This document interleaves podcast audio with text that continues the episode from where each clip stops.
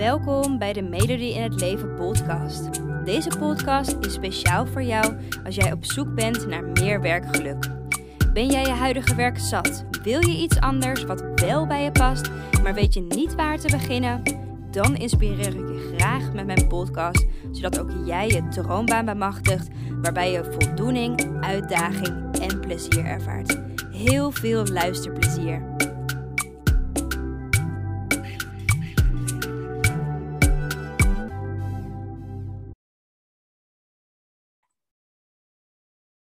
Hallo, hallo, hallo, hallo. Superleuk dat je weer luistert naar een nieuwe podcast. En ik denk dat ik vandaag wel de meest bijzondere podcast opneem ever in mijn podcast uh, historie. Wat inmiddels al meer dan 100 zijn trouwens, jongens. Um, ik zit namelijk samen met mijn beste vriendinnetje, met Matje. Hallo! Hey, hallo! Superleuk dat je bij deze podcast wilde zijn ja, superleuk dat ik erbij mag zijn. Ja, en voor de luisteraars die denken, hè, Elodie, waarom nodig je nou een vriendin van je uit? Mat is niet zomaar een vriendin. Um, zij heeft namelijk uh, behoorlijk wat carrière switches, keuzes gemaakt in uh, haar leven tot nu toe. En ik denk dat het ontzettend waardevol en leerzaam voor jou is om ook haar leven ja, door te krijgen en hoe zij eigenlijk die keuzes gemaakt heeft hey, en uh, Matt, voordat we daarmee beginnen, hè, um, zou je eens aan de luisteraars kort wat over jezelf willen vertellen? Wie ben je, wat doe je op dit moment? Ja, ik ben dus Matt. Ik ben jouw beste vriendin, als ik zo vrij mag zijn. Uh, wij kennen elkaar van de PABO. Uh, ik was hiervoor dus ook juf. En ik heb op latere leeftijd besloten me om te scholen. Dus ik ben uh, aangenomen op de kunstacademie. En nu ben ik ja, eigenaar van twee creatieve bedrijven. En daarnaast ook nog fotograaf. Dus uh, totale switch. En uh, wat ik dagelijks doe is uh, alles wat met creativiteit te maken heeft. Ja, en wat, en wat voor dingen zijn dat zo al? Want twee creatieve bedrijven, ik denk als je niet creatief bent, dat je denkt, wat moet ik me daarbij voorstellen? Dat snap ik. Um, ik ben uh, eigenaar van het bedrijf Studio Tot en Met. En ik heb op dit moment een hele grote obsessie voor de wolken. Die uh, leg ik uh, met een geliefde fotocamera vast. En daar maak ik werk op maat mee. denk aan acryl, maar ook fotoprints. die verzend ik ingelijst, maar ook kaartjes. En ja, eigenlijk alles wat met wolken en het vastleggen daarvan te maken heeft. En ik ben daarnaast bezig met al die wolken bundelen in een boek. Heel spannend proces, want ik weet er zeker wel wat van af, maar helemaal zelf iets publiceren, dat is een iets andere koek. En het tweede bedrijf wat ik heb heet Tegels, Tegels aan de Wand. En dan werk ik samen met Greetje en um, wij importeren tegeltjes uit Marokko en die uh, graveren wij en uh, leggen we in met bladgoud, maar soms ook as van overleden mensen of haar van overleden mensen of huisdieren. En um, ja, dat we een soort gedenktegeltjes maken. Dus alles met keramiek en tegeltjes, daar ben ik ook helemaal in thuis. Ja. Dus allebei wel heel erg op interieur gericht. Dus ja, product design, ja, is misschien niet helemaal het goede woord, maar wel die hoek in ieder geval. Ja, ja. Hey, en ik kan me voorstellen dat als je nu luistert, je denkt, wow, oké, okay, gaaf, hè, toffe dingen die je doet. Um, maar hoe rol je daarin? Want het is best wel natuurlijk best wel hè, specifieke dingen die je doet. Hoe, hoe is dat bij jou gegaan? Kan je ons eens meenemen in dat proces? Zeker. Um, ja, ik ben dus in 2010 de Pabo gaan doen in Utrecht. Daar ben ik jou dus tegengekomen. En na vier jaar superleuke studie uh, kwam ik um, een tijdje in Thailand te zitten. Privéles gegeven. En toen heb ik 2,5 jaar mijn eigen kleutergroep gehad superleuk, maar ik dacht wel na anderhalf jaar is dit het. En dat bleef een beetje zeuren en daar had ik toen mondjesmaat met mijn ouders eigenlijk over. En die kwamen eigenlijk ermee van ja, je bent nog jong, wil je nog een studie gaan doen? Zo ja, wat zou je allemaal willen?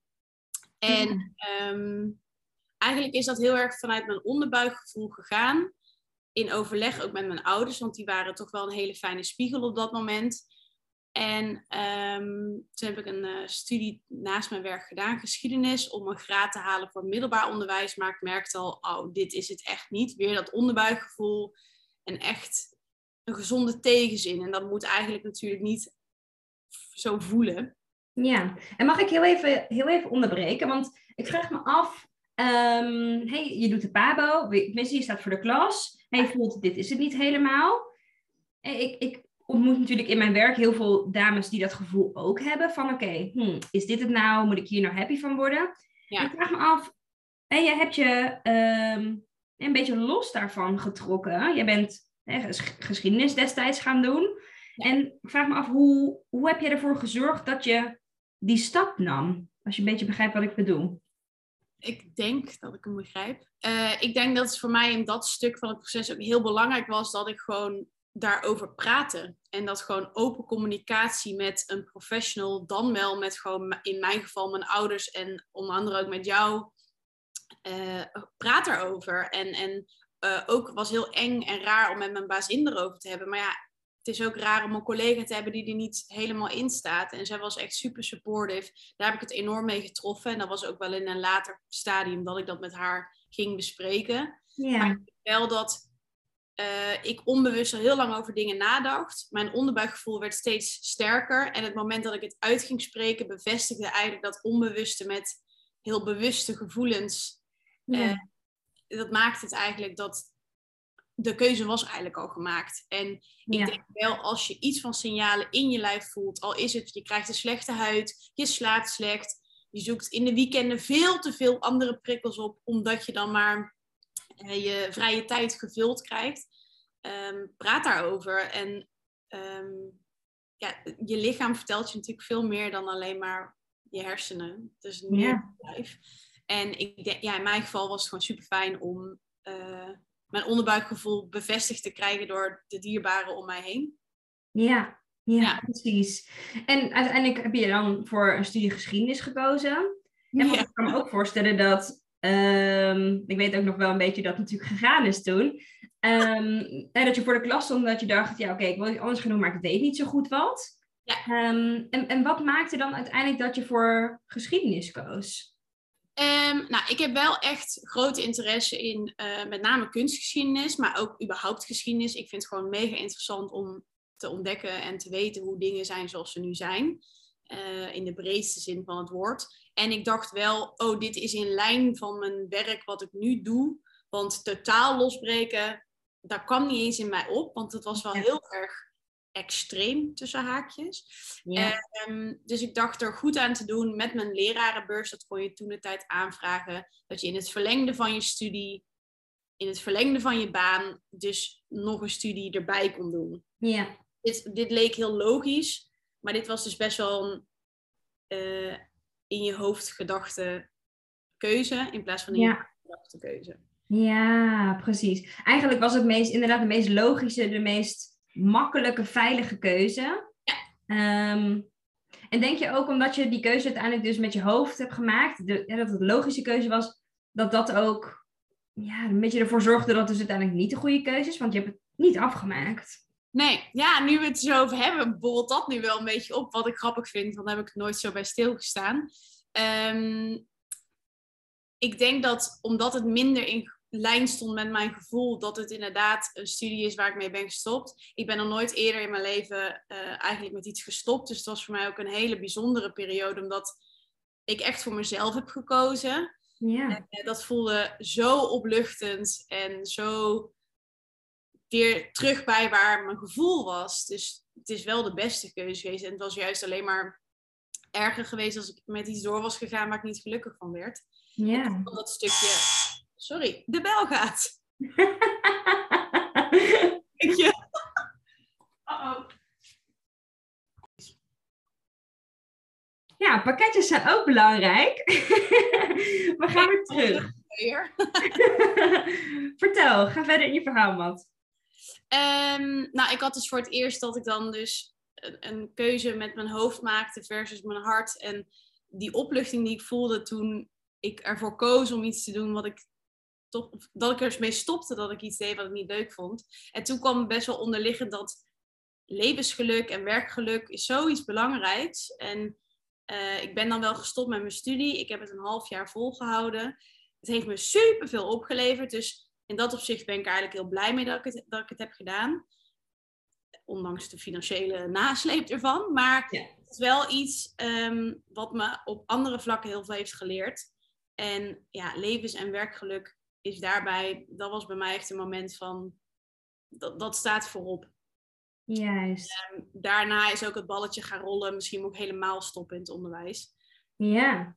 Ja, dus het is heel erg, ehm, dat is een soort kantelpunt geweest. Stoppen met een studie, ja. Ja, precies. Hey, en ik hoor je zeggen van, misschien moet ik maar helemaal stoppen in het onderwijs. Want was dat iets wat je voorheen, ondanks dat je het dus niet echt leuk vond, niet in je hoofd haalde? Eh, ja, ik merkte vooral omdat je dus dan in zo'n periode zit van hey, dingen staan op losse schroeven, alles weer even in perspectief. En ik merkte toen wel echt heel erg eh, leven om te werken en werken om te leven. Ehm 40 uur was geen 40 uur, maar meer. Ehm, eh, de loonstrook viel ook een beetje tegen. Mhm. sociale contacten leken er niet onder te lijden, maar wel beperkter te zijn. Wat helemaal prima is, hè? Ja. Maar ja, het zette wel dingen in perspectief. En ik was toch wel blij dat ik toen met een heel open en fijn gesprek met mijn ouders en mijn broer destijds toch een keuze heb kunnen maken van hé, hey, er moet hier iets anders. Ja. Ehm, ja, voor het geld hoef je niet altijd te doen. Maar voor je geluksgevoel zou ik het altijd doen. Ja. En uiteindelijk, daar ben ik ook wel benieuwd naar. En ik denk, ik denk degene die luistert naar deze podcast ook. Ehm, je was gestopt met, met geschiedenis. Oké, het voelde falend. Achteraf gezien voel je, ik heb er heel veel van geleerd. Jazeker. Ehm, maar ik kan me ook voorstellen dat je stopt met de studie. En dat je dan een beetje met je handen in het haar zit van... Oké, wat, wat de fuck ga ik nu met mijn leven doen? I know. Dat- Ja. Ah, alle alarmbellen gingen af. Nee, ja. Nou, ik stopte dus ergens eind februari, geloof ik. En toen had ik inderdaad een maand zo van, oh my god, oké, wat nu? Dus eh, even error, maar dat mag ook, hè. Uit eh, verwarring komt weer, eh, komt weer veel goed. Ja. En toen was ik half april, was, ik- werd ik, weet niet hoe oud, oud. En toen had ik een etentje met mijn ouders en mijn broer. En toen hadden we het er dus over van, ja, nu stop met studie, alles was afgerond. Wat nu? Ja. En toen kwam mijn broer ineens met een soort helder inzicht. En toen dacht ik, ja, dit is, staat dus echt precies in lijn met mijn gevoel. En mijn ouders gaven ook een soort van groen licht van, ja, ga dat dan proberen, ga dat doen. Ja. Die dag is er een beslissing genomen en een maand later was het echt, ja, dat ging mega snel ineens. Maar dat was helemaal in lijn met mijn gevoel. En daar wilde ik dus wel voor gaan. En dat was dus echt zo radicaal dat het, het ging uit met mijn vriend. Ik ben aangenomen op mijn studie. Ik heb ontslag genomen en ik ben verhuisd naar een andere stad. Ja. Allemaal in 3,5 week, vier weken. Ja. Mijn hele leven maakte een eh 180 graden draai, maar dat, of 360. En ehm, mega blij mee, want dat stond precies in lijn met mijn levensgeluk en werkgeluk. Ja. Geluk. Ja, Ja, ik weet nog dat wij toen op, eh, ik weet niet of jij dat nog weet, dat wij op een, een van de foodtruck festival stonden en dat je dit toen tegen mij vertelde van oké, ik, heb, ik heb een beslissing genomen, het gaat uit met, hè, met, je, met je ex en ik ga verhuizen en jij woonde toen nog in Utrecht en toen dacht ik echt, oh my god, nee, ik was die vervelende vriendin die je eigenlijk liever op je plek wilde houden. Waarvan ik nu tegen iedereen zeg, tegen die mensen moet je niet luisteren. Naar die Nee. mensen moet je niet luisteren. Eh, maar ik had zoiets, oh mijn vriendin gaat weg. Oh, het leven gaat, eh, ja, gaat helemaal veranderen. Maar je hebt uiteindelijk wel die stap genomen. ja ik heb die stap ook echt, echt voor mezelf gedaan. Ja, Ehm, als je dus ook ooit twijfelt over iets, maar het is helemaal wat jij wil, ga het doen. Vet. ja. Helemaal, dat moedig ik echt super aan. En het was inderdaad super jammer dat ik dan na 7, 8 jaar Utrecht ging verlaten. Maar het was voor het groter goed dat ik een studie ging doen die zo bij mij paste. En je hebt een trein en een auto en een fiets, dus je vindt elkaar heus wel weer op andere momenten. ja. Um, Dus ik, ik snap dat jij de vervelende vriendin destijds was. Aan de andere kant, ja, fuck it. Je gunt mij ook mijn geluk. Dus het, is ook, het heeft twee kanten, zeg maar. ja zeker. Ja, Als wij later groot zijn en allebei aan de andere kant van de wereld wonen, dan zoeken we een vliegtuig en een trein en een bus naar elkaar. Dus dat, juist. het is het allerbelangrijkste dat jij een gelukkig leven leidt. Ja. Het is fijn als dat parallel of synchroon of tegelijk loopt met vrienden en familie. Maar het is vooral belangrijk dat jij iets doet waar je heel blij van wordt. Precies, precies. Hey, en ik ben ook wel benieuwd, want je zegt van, hè, daarna ben je natuurlijk hè, je hele leven gaan omgooien, heb je een keuze gemaakt voor een andere studie. Ja. Ehm, maar daarvoor had je al geschiedenis gedaan, waarbij je hè, eigenlijk wel het gevoel had van, ja, shit, dit was het niet, donker. Ehm, hoe was het dan voor jou om dan weer een studie te starten? Ja, dat was wel echt mega vreemd. Omdat bij, bij geschiedenis dat deed ik deeltijd. Dus ik werkte nog vier of vijf dagen. En dan deed ik ook nog eens een dag studie erbij. En er was heel veel zelfstudie. En geschiedenis, jongens en meisjes, dames en heren, beste reizigers. Dat zijn echt dikke boeken wegtikken. Concentratie heb ik niet. Dus het was ook echt verschrikkelijk. Wel heel interessant, maar mega niet in lijn met hoe ik en mijn brein en mijn lijf werkt. En um, ik deed dat allemaal tegelijk. En sociaal alles onderhouden en heel veel sporten en alles tegelijk en veel te veel. Ja. En het voordeel nu was totale schone lei. Fulltime weer student. Dat was wel even schakelen, want je gaat ja. een heel ander budget. Je gaat weer een soort van op kamers en alles was natuurlijk weer anders. En een vreemde stad en alleen. En, maar ja, dat maakte mij allemaal geen drol uit. Omdat het was wel een studie waar ik gewoon wist ah, dit is die schot in de roos. Ja. dan maakt het me niet uit of ik onder een brug moest slapen, had ik ook gedaan. Als ik mijn studie mocht doen. En fulltime werkte voor mij beter dan parttime. Omdat je dan nog steeds vast blijft houden aan dingen die je ook niet fijn vindt. Dus voor mij werkte die radicale beslissing en manier van leven. Ja, ja. En wel heel mooi dat je dat zo zegt, want een van de van de angsten die ik het meeste terughoor bij dames die een, een, switch willen maken. Of ja, nou ja, het zouden willen, maar hopelijk gaan maken. Ehm, is dat ze het heel erg spannend vinden om inderdaad weer fulltime te gaan studeren. Want hè, je hebt dan geen baan meer. Ja. En hoe, hoe was dat dan voor jou? Om, het was een fulltime studie van vier jaar. Ja. Ehm, ja, en dat doe je dan toch maar even, terwijl je al 2,5 jaar gewerkt hebt. Hoe, hoe heb je dat dan gedaan? Ja, kijk, ehm, ik heb echt de allerliefste ouders op aarde. Ben ze echt op de dag van vandaag nog op het blootknies dankbaar dat zij mij ook echt mega hebben geholpen in dat opzicht. Dus ik weet dat dat een enorme luxe is. Uh, maar als ik dat niet had gehad, dan wist ik, oh, er is een, een stip op de horizon ik ga mega erg sparen. Dan was ik iets langer door blijven werken, want dan wist ik met dat extra potje geld kan ik mijn nieuwe studie gaan financieren. Dus dan had ik wel op een andere manier een financieel plan gemaakt. Ja. Wetende dat ik dan nog één jaar bijvoorbeeld voor de groep moest staan, ehm, dan had ik daar wel voor willen werken. Ja. En je kan altijd nog een bijbaan nemen. En uh, weet je, er, zijn echt wel manieren op te vinden. Ja. Ehm, ik denk dat het voor mij los van hoe het dan ook de thuissituatie was. Ik had wel een manier gevonden om ergens geld vandaan te troggelen. Ja. Uh, dus de, de, de desire to go to this study, uh, die was zo groot dat, dat de financiën, het boeide me niet. Ik, ik, ik vond wel een manier om het te doen. En ik heb daar dus mijn ouders heel fijn bij gehad. Maar ook dames die daarin twijfelen. Waar een is, is een weg. Desnoods ga je in een koffietentje staan uh, in je weekend. Je studie is je alles waard en het geluk daarbij, wat je daarmee krijgt, dat is zoveel waard. Dus financiële struggles die je voelt of belemmeringen, praat daar met iemand over. Praat er met jou over.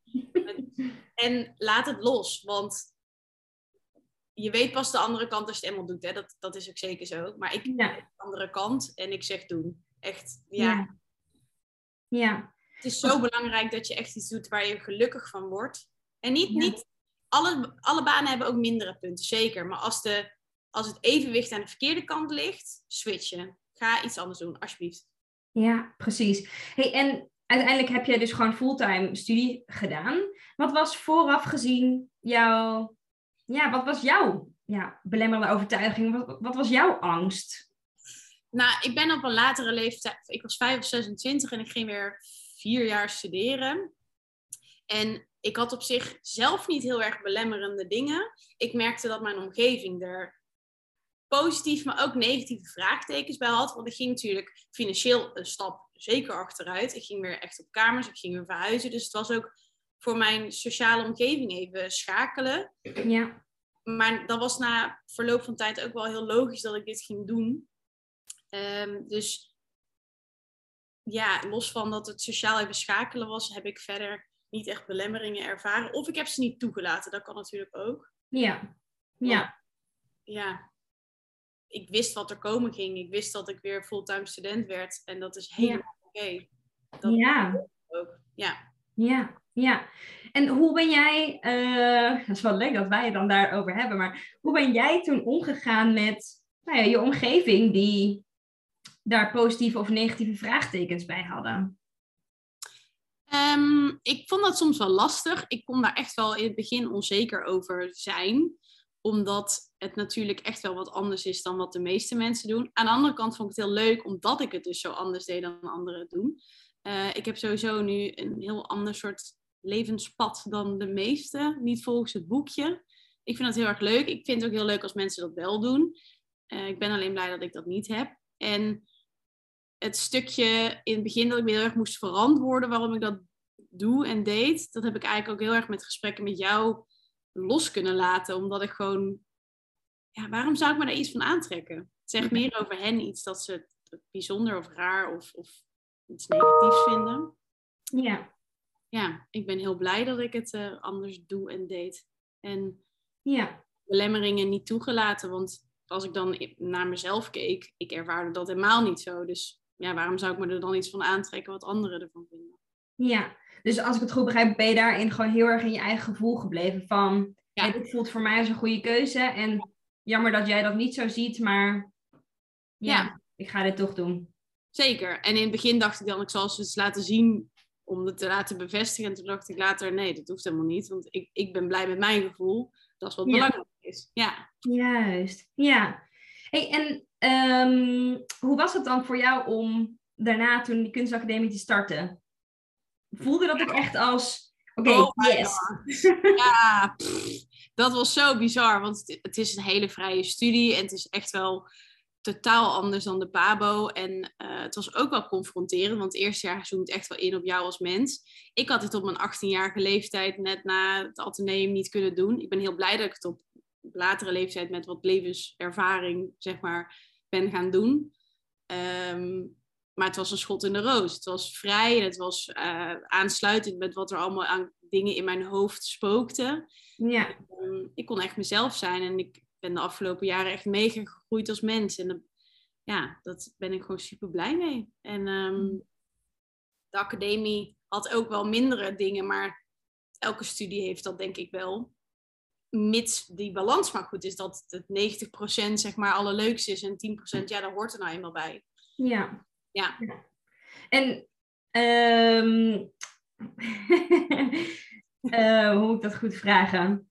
Het was je, je hebt die studie natuurlijk vier jaar gedaan. Ja. En dan, het is natuurlijk best wel een vrije opleiding. Dus uiteindelijk, hè, bijvoorbeeld bij PABO, dat weten we allebei, dan word je leerkracht en dan weet je gewoon heel duidelijk, dit is wat ik ga doen. Maar bij zo'n kunstacademie is het natuurlijk heel erg breed van wat ga je dan doen? En ik vraag me af, ik heb het proces natuurlijk ook van dichtbij gezien, maar we hebben het er nooit eigenlijk zo over gehad. Um, hoe, hoe is dat proces voor jou gegaan om uiteindelijk dan te bepalen, oké, kunst is interessant, maar ook daarbinnen heb je heel veel richtingen. Dus hoe ja. heb je dat toen gedaan? Uh, nou, wat bij mijn kunstacademie was dat het eerste half jaar is algemeen. Dus dan doe je eigenlijk een beetje van alles. En ik had al wel duidelijke richtingen dat ik die kanten wilde. Kijk, ik heb, iedereen vraagt ook, oh, dan kan je heel goed schilderen. Nee, ik heb echt nul schilderijen precies gemaakt. En ik heb ook nul tekeningen gemaakt. Dat kan ik namelijk ook totaal niet. Ja. Denk jij dat ik kan kleuren? Nee, echt niet. um, maar uh, dat eerste half jaar was natuurlijk oriënterend. Het is wel super fijn om eens te proeven in uh, alle hoekjes en gaatjes en de verschillende keukens. Ik dacht ook heel erg duidelijk, ook ga de fotografie in. Maar uiteindelijk ben ik dus de richting van grafisch en ruimtelijk ontwerp gegaan, waarbij ik ook mijn fotografie kon gebruiken. En ik merk wel dat naarmate de studie vorderde, dat dat ruimtelijk ontwerp veel sterker aan bod kwam. En dat werd dan grafisch en met foto's ondersteund. Ja. Mm ik denk ook de vrijheid die je krijgt maakt ook dat je helemaal zelf kan vormen wat je wil. En eh, een term zoals grafisch ontwerp is natuurlijk een heel relatief begrip. Jij hebt de associaties aan en ik heb daar weer totaal andere associaties aan. En zo'n academie is fijn dat het vrij is, omdat je dan je eigen associaties na kan leven, na kan doen. Dus het is heel um, gevoelsmatig weer. Uh, en met steun of ja, sturing vanuit de studie is dat uh, gaandeweg de jaren gewoon steeds duidelijker geworden. En ik had hele fijne studiegenoten, echt mijn beste maten. Dus um, dat maakt het ook wel een hele fijne uh, sfeer. En um, ja, ik ben heel blij met hoe het uh, gegaan is. Ja. ja. En, want eh, dames die deze podcast luisteren, die vinden het vooral heel erg lastig om, om te bepalen van hè, wat, wat is de richting die ik op wil, wat past er dan bij mij. Ja. En, en hoe, hoe, ja, hoe, zou, hoe zou je zeggen dat jij dat in die tussentijd elke keer bij elke stap gedaan hebt of bepaald hebt? Um, nou, op de academie is het ook wel belangrijk dat je echt wel een bepaald observerend vermogen hebt en dat je aan het reflecteren bent. Dus dat vroeg de studie ook voor mij, wat heel fijn was. Ja. Um, ik denk dat ook voor de dames die dit luisteren, het echt belangrijk is dat je um, iemand zoekt in je omgeving waarmee je kan spiegelen, kan sparren, kan uh, gewoon dom kan brainstormen. Ja als ik het lastig had gevonden en het was niet meteen een schot in de roos, was ik ook echt wel met een professional gaan praten. Omdat dat gewoon um, ja, objectiever is en, en verhelderend werkt. En misschien kom je er niet in een week achter en dat is helemaal oké. maar ik denk wel dat zodra je het uit gaat spreken wat er in je hoofd speelt, wordt het veel duidelijker voor jezelf ja. wat je wil. Ja. um, ja, ik. Um, ik denk dat je gewoon, ja, praat met mensen. Praat met professionals erover, dat dat gewoon super belangrijk is.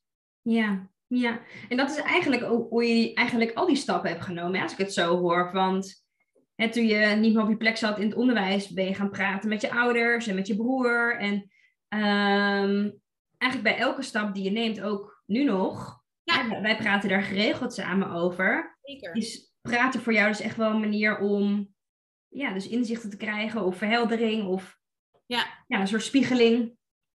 Zeker. Ik denk dat um, ik ben goed in mijn uh, onderbuikgevoel. Uh, ik ben goed in uh, heel lang over dingen nadenken, op mijn ei broeden, zeg maar. Ja. Maar het is ook heel fijn dat als je daarmee in je hoofd hebt gezeten en je gaat het daarna wat onbewust in je zit, bewust uitspreken, dat dan inderdaad zo'n sparsessie zoveel vruchten af kan werpen. Ja. We hebben twee weken geleden een businessdagje samen gehad, Elodie en ik. En dat heeft mij weer zo'n jumpstart gegeven voor de volgende fase van mijn bedrijf. Um, ja, dat is gewoon super fijn. En um, ja. Ik weet niet Mooi. wat ik moest vertellen. Maar... hey, en is dat dan dus ook een manier wat je, wat je anderen zou aanraden? Van, ja, ga dat dus gewoon verwoorden. Ga communiceren. Ga uh, je omgeving betrekken. Maar merk je dat zij niet objectief kunnen zijn, hè, schakel dus daarin. Ja, heel ja, kijk, als je gaat sparren met vrienden en familie, dan heb je natuurlijk dat ze subjectief zijn. Ze zijn misschien ook zelfs wat liever voor je, omdat ze je uh, willen helpen. In ander opzicht helpen ze je er niet mee, want ja, ze zijn niet eerlijk met je misschien. Ja. Um, ik denk dat het heel goed is dat je gaat sparren met um, en vrienden en familie, maar ook met een objectieve persoon ik heb ook in die tijd, en doe ik nu nog steeds, allemaal verschillende kleurtjes post-its. Dus alles wat in je hoofd zit, uitschrijven en in groepjes ophangen. Het creëert zoveel meer rust in de chaos. Um, of maak spraakmemo's of korte notities al zit je in de tram of, of ben je in het vliegtuig of zit je, ben je bij de kinderboerderij, I don't know. En dus plopt iets in je hoofd, schrijf het meteen op, geef het dan ook ja. even een plekje, parkeer het even, ga op dat ei broeden en op een gegeven moment komt dat wel uit. Ja. Het is heel fijn als je met iemand daarop die jou kan helpen daarmee. Ja. Juist. Mooi. Ja. En dit is wel een hele mooie concrete tip van hè, ga die post-its gebruiken en laat het, laat het een beetje hè, bezinken, ga het ei broeden. Hè, laat ideeën ook een beetje tot je en ga dat verwoorden. Zeker. Heb je, heb je misschien nog andere tips voor dames die echt gewoon, nou, completely lost nog zijn? Mm, ik denk niet dat mensen completely lost zijn. Ik denk echt wel dat zij onbewust echt wel een richting al weten. En wat ik ook eens deed op momenten dat ik niet wist wat, waar ik heen moest en wat ik wilde en zo. Ga dan opschrijven wat je in ieder geval niet wil. Want dan skip je ook al een hele hoop hoeken en gaten. Ja. Maar ik denk echt wel dat je onbewust al heel veel in je lijf hebt zitten en in je hoofd hebt zitten. Dus Ja. completely lost, dat is een heel vervelend gevoel. Dat vind ik ook vervelend als je dat ervaart. Maar dat is echt niet zo. Want ik denk wel, als je dan dus met een objectief persoon erover gaat praten, dat daar ineens dat je denkt, oh, lightbulb, dit is wat ik bedoelde, dit is wat ik wilde. Juist. Ja. Juist. Heel mooi dat je dat zegt. Ja, want dat is precies ook wel wat ik zelf ervaar. Met hè, de dames die ik spreek. ehm, dat er vaak aan het einde van zo- zo'n traject komt er een baan uit. Dat ze echt denken, wow, dit had ik nooit verwacht. Maar ja, eigenlijk snap ik het ook totaal. Want dit is gewoon helemaal wie ik ben. En dat zijn eigenlijk, is niks anders dan informatie wat je al weet. Ja. Dus wat je zegt, je bent niet completely lost. Het zijn gewoon die laatste verhelderingen. Of de laatste inzichten die je nodig hebt. Om Ja. het pakketje compleet te kunnen maken. Ja, en ik denk dat jij daarin als, als, als eh, coach en als mens een mega fijne begeleider bent. Want ehm, jij bent gewoon objectief, een helikopterview, zeg maar. En jij pikt daar die, die snippets uit die nodig zijn voor die persoon om te komen met... Oh, dit is dus die baan waar ik naar zocht. Dat is top. Ja. Zo fijn. En als je, het gevoel, als je daarna het gevoel hebt van... Oh my god, ik doe echt iets wat ik super leuk vind. Dat is dan toch alles waard? Ja, echt. Ja. Leuk dat je dat zo zegt. hey, en ehm, je zegt van dat gevoel van dat je dat gewoon mega leuk vindt. Ja. Ik ben wel benieuwd. Hetgeen wat je nu doet, is dat jouw, jouw droombaan? Oeh, dat is een hele tricky question. Ehm, ehm, ik, ja, voor, op dit moment is dit mijn droombaan. En ik, Ja. ik niet dat ik nooit meer iets anders ga doen. Maar Ja. ik voel nu de creatieve vrijheid om te doen wat ik wil. Ik ben echt aan het fietsen zonder zijwieltjes. Ja, dat is fantastisch. Eh, dat je dus dingen mag maken die je mooi vindt en waar je zelf heel blij van wordt. En dat anderen dat ook hebben. Ja, dat vind ik echt geweldig. Ja. Ehm, en ja, wie weet wat er in de toekomst gaat komen. Geen idee. Ik heb er mega zin in. En als dit het is, ben ik ook hartstikke blij. ja. Mm, Maar wel telkens voorop blijven stellen van ja, ben ik nog steeds gelukkig? Doe ik nog steeds wat ik leuk vind? Dus op dit moment is dit zeker mijn droombaan. Meerdere droombanen. Ja. Ik vind het heel leuk dat het zo afwisselend is en allemaal creatief. Ja. Maar ehm, sluit niet uit dat ik... Misschien kom ik ooit wel weer in loondienst. I don't know.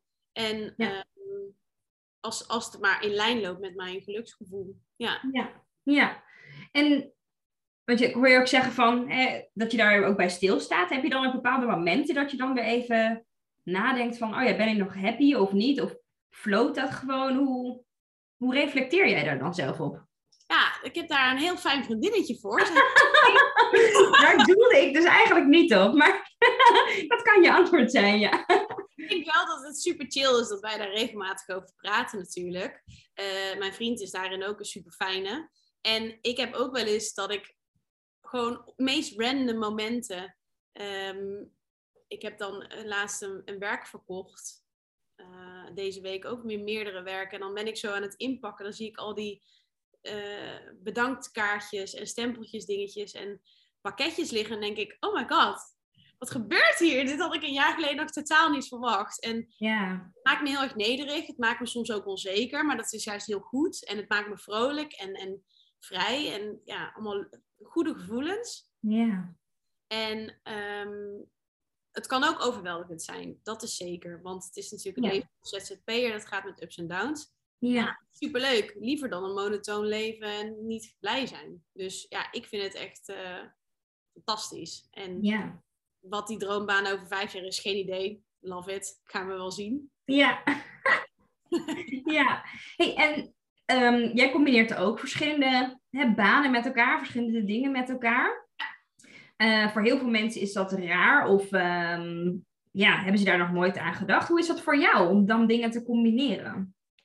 Ik snap dat mensen graag één focus hebben en dat ze één baan zeg maar hebben. Maar binnen een baan heb je natuurlijk ook meerdere taken. En ik heb dan meerdere banen met ook meerdere taken. Dus ik zie daar niet echt een groot verschil in. Ja, Wel dat soms met mijn chaotische brein dat het soms lastig is welke dag van de week is wat en wat doe ik nu precies wanneer. Aan de andere kant, ik heb de totale vrijheid om altijd te doen wanneer ik wat wil en waar behoefte aan is. Dus ik vind die vrijheid super fijn. Ja. Eh, ik, ik snap ook echt wel dat mensen behoefte hebben aan één baan. Maar als jij ergens twee dagen kan werken, je vindt het fantastisch, maar je redt het financieel niet. En je hebt nog ergens waar je twee of drie dagen kan werken, dan vind je ook heel erg leuk. Ja, waarom zou je geen twee banen hebben? Ja. En je, je cv, je curriculum vitae, ik weet niet of ik het goed uitspreek. Mhm. Eh, dat is je levenslijn, je levenswerk. Dus ja, waarom zou het raar zijn om, om op je cv verschillende dingen te zien? Het is toch juist toch fantastisch dat daar diversiteit in te vinden is. Eh, ja. ja, dus ik, ik ervaar dat als iets heel leuks dat ik meer banen heb. Soms wel gek. Ik heb 85 banen. Ja. Juist. Hey, en ehm, je bent nu blij met je baan, maar ik vraag me ook af, wat voor dingen vind jij belangrijk ehm, om gelukkig te zijn in je werk? Hè? Dus wat, wat bepaalt voor jou werkgeluk? Oeh, tricky. Eh, werkgeluk. Ehm,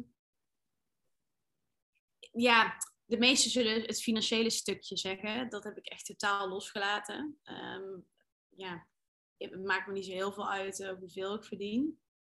Natuurlijk, je moet bepaalde vaste lasten kunnen dragen, zeker. Dus het is fijn als die in ieder geval gedekt zijn. Ja. Werkgeluk, eh, ja. Wat ik nu eigenlijk heb, is dat ik het gevoel heb dat ik zeven dagen in de week weekend heb. Mijn, mijn leven voelt als een soort creatieve vakantie. Ja. Een fantastisch gevoel. Dat zou ik het liefst zo lang mogelijk vast willen houden. Ja. Dus ik voel ja, dat weekendgevoel waar we normaal vijf dagen naartoe werken, dat heb ik chronisch. Dus ik, ja, dat, dat is super fijn. Ja. Ehm, ik werk ook veel hoor, want ik zit ook dan s'avonds dus pakketjes in te bakken. Maar ik ervaar dat als iets heel erg leuks. Dus ik vind het dan ook niet er- erg om daar meerdere uren in te stoppen. Juist. Ja. Dus als ik het goed begrijp, hè, is het voor jou belangrijk om dat vakantiegevoel te hebben, om dat zo, ja, dat vrije gevoel te hebben en die creativiteit daarin te kunnen Ja. doen. En dan maakt het niet uit dat je veel werkt, maar het gaat erom dat je het zelf kan bepalen, Ja. wanneer nodig. Ja, en alles i- daarbinnen is dus dat het in lijn staat met mijn eh, gevoel. En Ja. dat, ik, dat ik blij ben. En Ja. als dat niet als iets blijs voel, dan, dan is dat dus niet een vakantiewerkdag. Maar dan moet ik wel weer even schakelen. Hé, hey, waarom voel ik me nu eigenlijk niet fijn? En Ja. het is wel fijn om met iemand erover te sparren of even weer die post-itjes te gaan plakken van eh, waar zit nou de kink in de kabel. Ja, precies. Juist. En ehm, het is misschien ook weer een moeilijke vraag hoor, maar ik, ik, wat mij opvalt is dat veel dames die heel erg zoekende zijn, heel erg vast in hun hoofd zitten. Ja, En dat ze het heel erg lastig vinden om bij dat gevoel, dat onderbuikgevoel te komen. En ik hoorde jou dat al een paar keer benoemen. En ik vraag me af van hoe, hoe weet jij nou, of hoe voel jij nou, oké, dit is mijn onderbuikgevoel, of dit gevoel zit goed, of dit gevoel zit niet goed. Hoe, hoe bepaal je dat? Hoe voel je dat? Oh, thanks voor deze superleuke vraag. Ja. Ehm, oh ja, mijn onderbuikgevoel. Ja, dat vind ik wel, het is wel echt een tricky question, want daar ben ik gewoon al mijn hele leven wel sterk mee. Ja. Ehm, als je onderbuikgevoel je iets vertelt en je merkt in je, dat is een intern gevoel natuurlijk, maar als je dan extern merkt, hé, hey, ik ga iets met een tegenzin doen, dan, dan linkt eigenlijk je binnenste met je buitenste. Hey, Ja. daar zit dus iets. Ehm, en er zijn ook mensen die dat onderbuikgevoel misschien wat minder hebben. Ja. Nou, ga dan ook gewoon pros en cons lijstjes maken. Ga dan uitschrijven wat er dan in je hoofd in ieder geval zit. En haal dan dingen weg waarvan je weet, oh, dit, dit loopt niet in lijn met je buikgevoel. Ja. Ehm, ja, dit is een hele moeilijke vraag, G. Ja. ja, maar op zich, ik denk, ik denk wel dat ik hem begrijp. Want je geeft eigenlijk aan van, als jij merkt dat als je iets met tegenzin gaat doen, hè, dus dat als jij jouw acties jouw tegenzin geven, laat dat zien, je onderbuikgevoel wil dat niet. Ja. En andersom dus denk ik ook. Ja, je gaat dus in je gevoel, ik ging dan smoezen verzinnen. Ik ben ziek. Niet dat ik me ziek ging melden, maar ik, oh, ik voel me ineens ziek, zwak en misselijk. Of eh, eh, ik ga maar extra vroeg naar bed, extra uren pakken. Of ik ging ineens weer meer sporten of zo. Omdat je dan, er zit iets niet helemaal lekker. En dan moet je dan, dan ga je op andere manieren iets uiten om Ja. niet weg te drukken, maar ook niet te confronteren of iets. En Compenseren of zo. ja, ja, dat een beetje. Ja, Ja, precies. Ja. En dat voor... hm, sorry. Heerlijk, ga maar. Ik ben het nu oprecht vergeten. ik wilde zeggen, en als jij dat dan merkt bij jezelf, van ehm, hè, ik ga mijn tegenzinnen doen of ik wil muziek melden of dat soort dingen, is dat dan voor jou zo'n moment van oké, ik ga die post-its er weer bijpakken en ik ga het opschrijven en ja, Ja. alles weer even herstructureren. Zeker. Ja, En ook als je dus denkt, oh, dit is mijn droombaan, of, of ik, ik ben in lijn met mijn gevoel, en je merkt na een jaar toch, hé, hey, ik ben aan de rem aan het trekken. Oké, time to re-evaluate. En ja, dan, ehm, ja, dan stop ik lekker en dan ga ik iets anders doen. En Ja. eh, uit de post blijkt dat ik toch een nieuwe baan wil. Oké, dan gaan we daarnaar op zoek. Eh Ja. Uit de post blijkt dat ik eh, dit en dat niet meer moet doen. Of ik ben toe aan een vakantie. Of ik moet iets in mijn voeding veranderen. Weet ik veel, ik noem maar wat. ja, Het is wel, ja, die, als je die aversie begint te voelen, die tegenzin. Oké, stop. En even weer, waar zijn we nu? Wat, wat zegt mijn gevoel? ja. Waar gaan we naartoe? Waar willen we ons op focussen? En weer door. Ja, en ehm, hoe, hoe doe je dat dan met die post-its? Want ik kan me ook voorstellen dat je nu luistert naar podcast die denkt, dat is echt een goede tip voor Matt, maar ja, ik heb hier post-its, maar ik heb geen idee wat ik nu op die post-it ga zetten. Hoe, hoe pak jij dat een beetje aan? Ja, ik, het is ergens zonde van het papier. Dus eh, ehm, ik weet dat dit niet een hele erg ecologische oplossing is. Maar voor mij is het gewoon heel erg visueel wie, wat en waar. Wat Ja. ik doe is eigenlijk of in mijn telefoon of op een, eh, gewoon een random papiertje de achterkant van de belastingdienstbrief. Alles opschrijven wat er in mijn hoofd zit. Maar echt alles. Echt van ik moet nog mijn teennagels lakken en het vuilnis wegbrengen tot aan ik moet die brief nog verzenden en dit spookt in mijn hoofd en oh shit, ik moest daar nog op dat mailtje reageren. Maar echt alles, alles Ja. schrijf ik op. Daarna pak ik nog een ander briefje en dan ga ik het in een soort van categorieën schrijven. Of ik begin al maar mijn post-itjes. Eh, maar meestal schrijf ik het nog in categorieën op. Dan geef ik elke kleur een categorie, of elke categorie krijgt een kleurtje post-it. Daar is één hoofdpost-it van en daar hang ik dan alle dingetjes in een soort van rijtjes onder. Of in groepjes zet ik het bij elkaar. Mhm. En als ik dan mijn taakje heb voldaan, of, of ik heb het een plek gegeven, of ik weet dat het is geparkeerd, of het is in motion gezet, dan kan ik het ook visueel weghalen. Dan zie ik mijn post-it boom, zie ik eigenlijk kleiner worden. Ja, En weer meer rust creëert. En als Ja. ik merk, oei, dit is er een die ik echt veel terug voel komen, dan hang ik hem ook echt als een apart post-itje, dat dat zo'n soort focuspunt kan zijn. ja, Of vandaag moeten deze to-do's in ieder geval zijn gedaan. Dan hang ik die, het zijn er drie bijvoorbeeld, die hang ik echt even visueel apart. juist. En hoe, hoe kan je dat dan toepassen op je, ja, je proces als je dus tegenzin hebt of als je niet meer happy bent in je werk? Hoe, hoe past je dat dan toe? Ehm, die heb ik niet zo super concreet met post-itjes eh, uitgehangen. Ik denk wel dat eh, je ook gewoon op- eh, als een soort gevoelskwestie kan doen. Een, een voor- en tegenslijst kan maken. Maar dan kan je Ja. natuurlijk ook met post-itjes doen. Dit zijn gevoelens waar ik vaag over ben. Dit zegt mijn onderbuikgevoel in de positieve zin. Dit zijn concrete dingen. hey, ik merk dat ik veel overuren maak bijvoorbeeld. Ja, En dan concrete dingen die je echt ehm, uit kan schrijven of op postjes kan plakken. ja, En ik denk dat als je dat wat allemaal onbewust en in je gevoel zit, bewust gaat opschrijven, dat je merkt, wow, oh, oké, dit is wel een hele grote wordcloud geworden met dingen die ik niet leuk vind of wel heel Ja. leuk vind. ja, Dat dat voor een mens heel visueel kan werken. Ik ben een heel visueel mens. Misschien werkt het voor jou op een andere manier, maar ik denk wel dat onbewust bewust maken aan de hand van post-itjes en gesprekken met mensen, dat dat superveel inzicht kan geven. ja. En Ja. ehm, ja, ik raad zeker aan als je met iets zit, dat dat fijn kan werken. Ja, Ja. wel heel erg mooi, want dat is natuurlijk eigenlijk waar je een beetje mee bent begonnen, deze podcast. Van hè, het uitspreken, het, het, het onbewuste bewust maken, het, het, het gaan communiceren van wat er in je speelt. En dat is dus, dat kwam het middenstukje een beetje terug, en nu komt het aan het einde ook terug. Dit is volgens mij wel eigenlijk, als ik het zo hoorde, het belangrijkste manier hoe dat voor jou werkt. En misschien ook wel je belangrijkste tip voor anderen. Van hè, wat er onbewust is, ga dat uitspreken. Ga dat opschrijven. Ga dat visualiseren. Ja. eh, met post-its. Maakt niet uit hoe je het doet, als je maar die informatie, wat je voelt, Ja. ja, op een manier uit, eruit laat. Ja, en misschien werkt het bij een ander net anders. Ik doe dan met concreet post-itjes, maar misschien Ja. werkt het bij een ander door te gaan tekenen. En de ander wil eh, een boek erover schrijven, weet je, ook helemaal prima. Maar ik denk wel, als je iets onbewust bewust gaat maken, dat dat eh, heel verhelderend kan werken. En ik denk dat dat indirect ook in lijn staat met dat onderbuikgevoel. En dat is bij mij heel sterk. En misschien kan in iemand die dat niet zo heel sterk heeft, dat wel sterker maken. Door dit met Ja. regelmaat te doen. Mooi.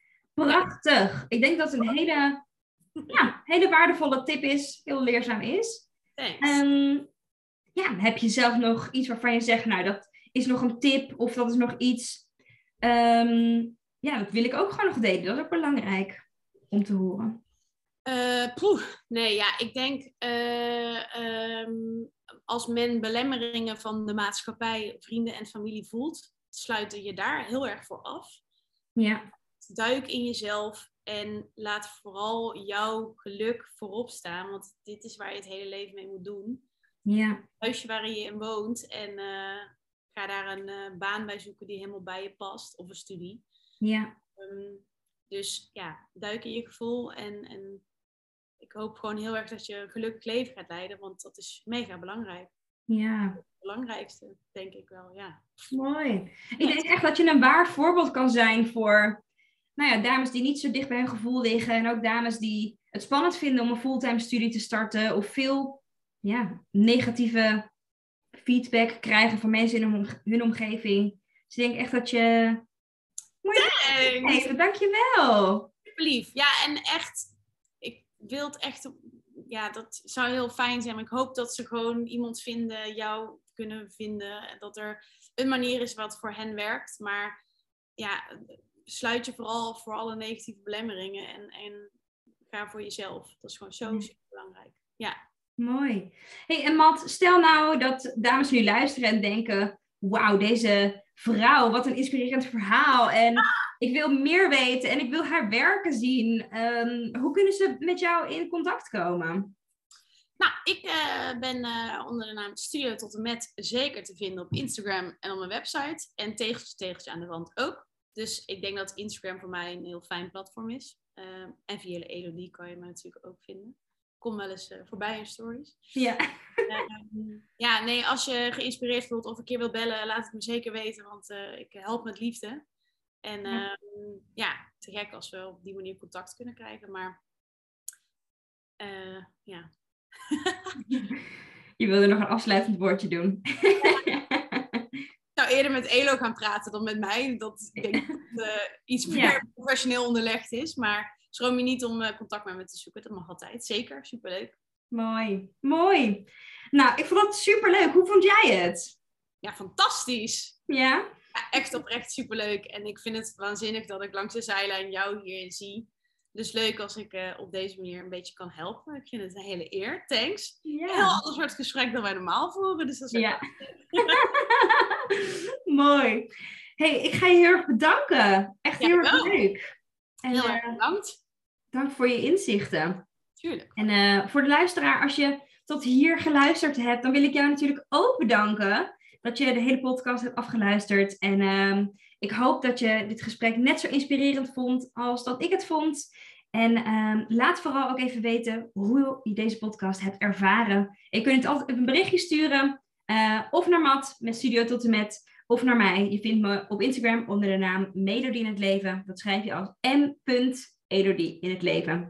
En natuurlijk hoop ik je weer bij een volgende podcast te zien. En voor nu wens ik je gewoon een hele fijne dag. Tot de volgende keer. Doei doei! Doei. Dankjewel voor het luisteren. Ik hoop dat ik je heb mogen inspireren om jouw droombaan achterna te gaan, waarbij je meer voldoening, uitdaging en plezier ervaart. En elke woensdag staat er een nieuwe podcast online, dus hou dit vooral in de gaten. En wil je vaker tips en inspiratie ontvangen? Volg mij dan ook op Instagram onder de naam van Melody in het Leven en ik help je graag verder. Fijne dag!